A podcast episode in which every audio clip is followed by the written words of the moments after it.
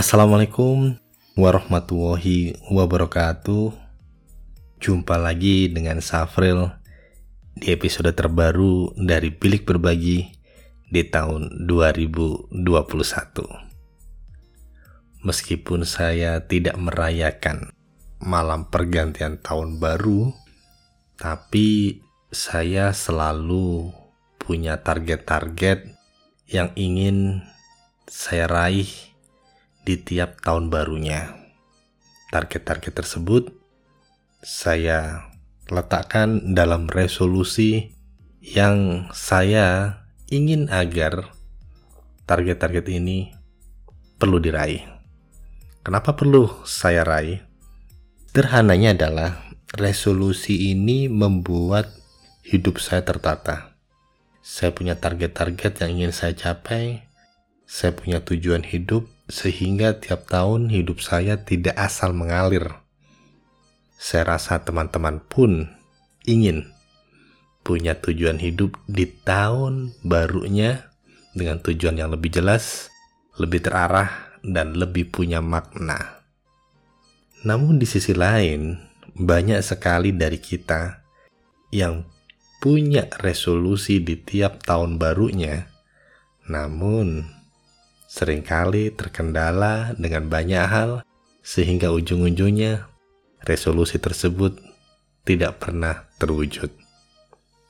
Teman-teman pendengar bilik berbagi, bagaimana bila kita coba beberapa cara untuk membuat resolusi tahun baru kita lebih achievable, lebih bermakna buat hidup kita. Gak ada salahnya kan mencoba hal baru? Oke, kita mulai saja. Yang pertama, tentukan resolusi tahun baru kita yang ada hubungannya dengan nilai-nilai yang kita anut.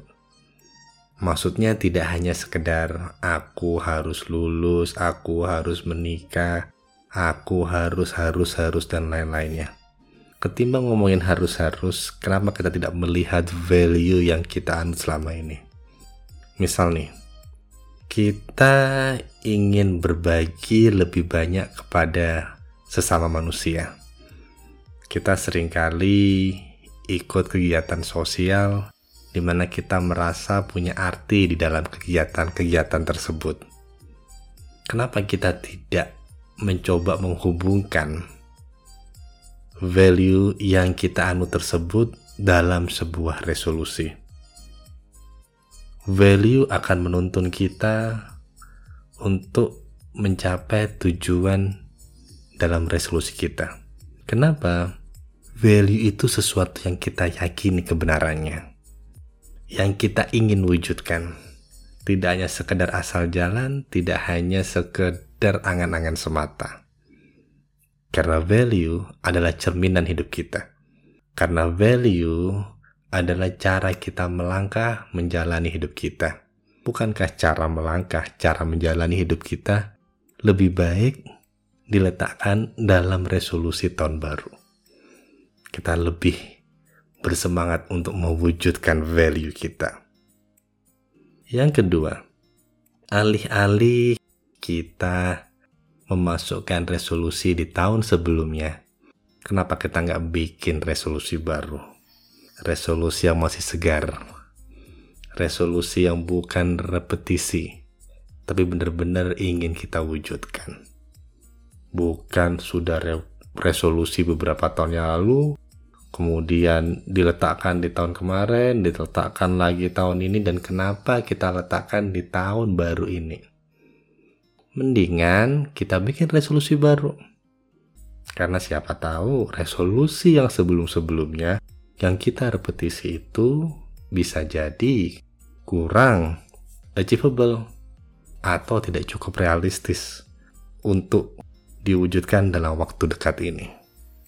Yang ketiga, teman-teman bisa tuh bikin rencana yang lebih spesifik. Spesifiknya seperti apa?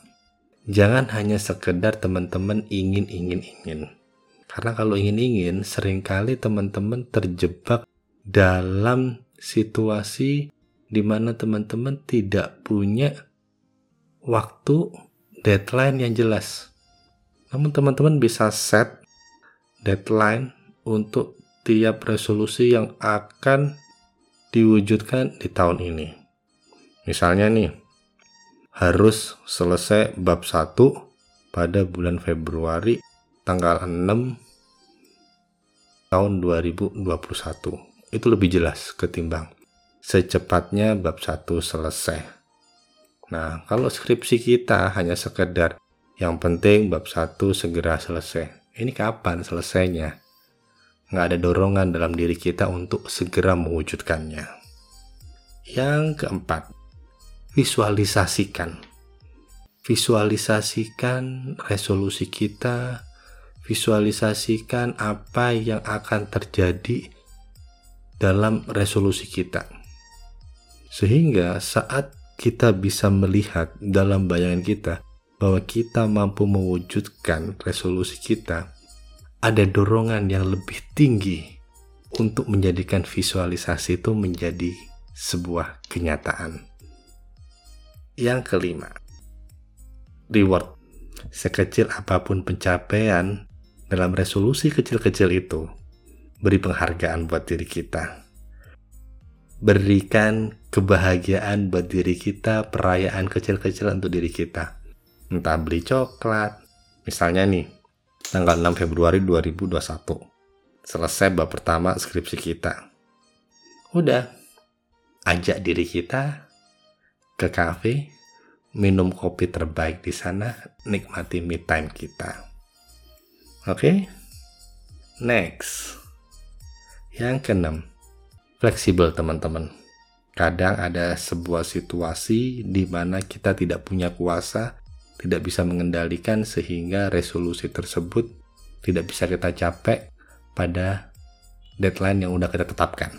Teman-teman harus bisa fleksibel. Maksudnya apa? Teman-teman bisa adjust lagi, sesuaikan lagi dalam jangka waktu yang teman-teman perkirakan itu bisa terwujud di masa depan di beberapa hari, di beberapa bulan kemudian. Yang kedelapan, realistis. Kadangkala kita terlalu tinggi untuk ngeset sesuatu atau resolusi di tahun ini. Misalnya nih, ingin jadi presiden director di sebuah BUMN pada tahun 2021 ini. Come on, kita aja baru meniti karir dari posisi yang paling bawah. Akan sangat mustahil tiba-tiba kita langsung diangkat menjadi presiden director di sebuah BUMN di Indonesia. Realistis dikit ya. Biar apa? Biar kita paham bahwa segala sesuatu yang kita inginkan butuh tahapannya. Dan tahapan itu tidak bisa instan. Oke? Okay? Last but not least, yang kesembilan. Belajar dari kesalahan, kegagalan di masa lalu. Mengapa resolusi-resolusi di masa lalu tidak terwujud? Apa yang salah? Diri kita yang terlalu malas? Apakah ada faktor lain di luar kuasa kita yang membuat resolusi itu tidak terwujud? Cek lagi. Siapa tahu bisa diperbaiki. Kalau belum bisa diperbaiki, berarti disimpan dulu resolusi itu sampai pada waktunya kita keluarin lagi resolusi itu. Moga-moga apa yang saya sampaikan bisa bermanfaat buat pendengar bilik berbagi dalam menentukan resolusi di tahun 2021 dengan cara yang baru. Thank you so much. Sampai jumpa di episode berikutnya. Wassalamualaikum warahmatullahi wabarakatuh.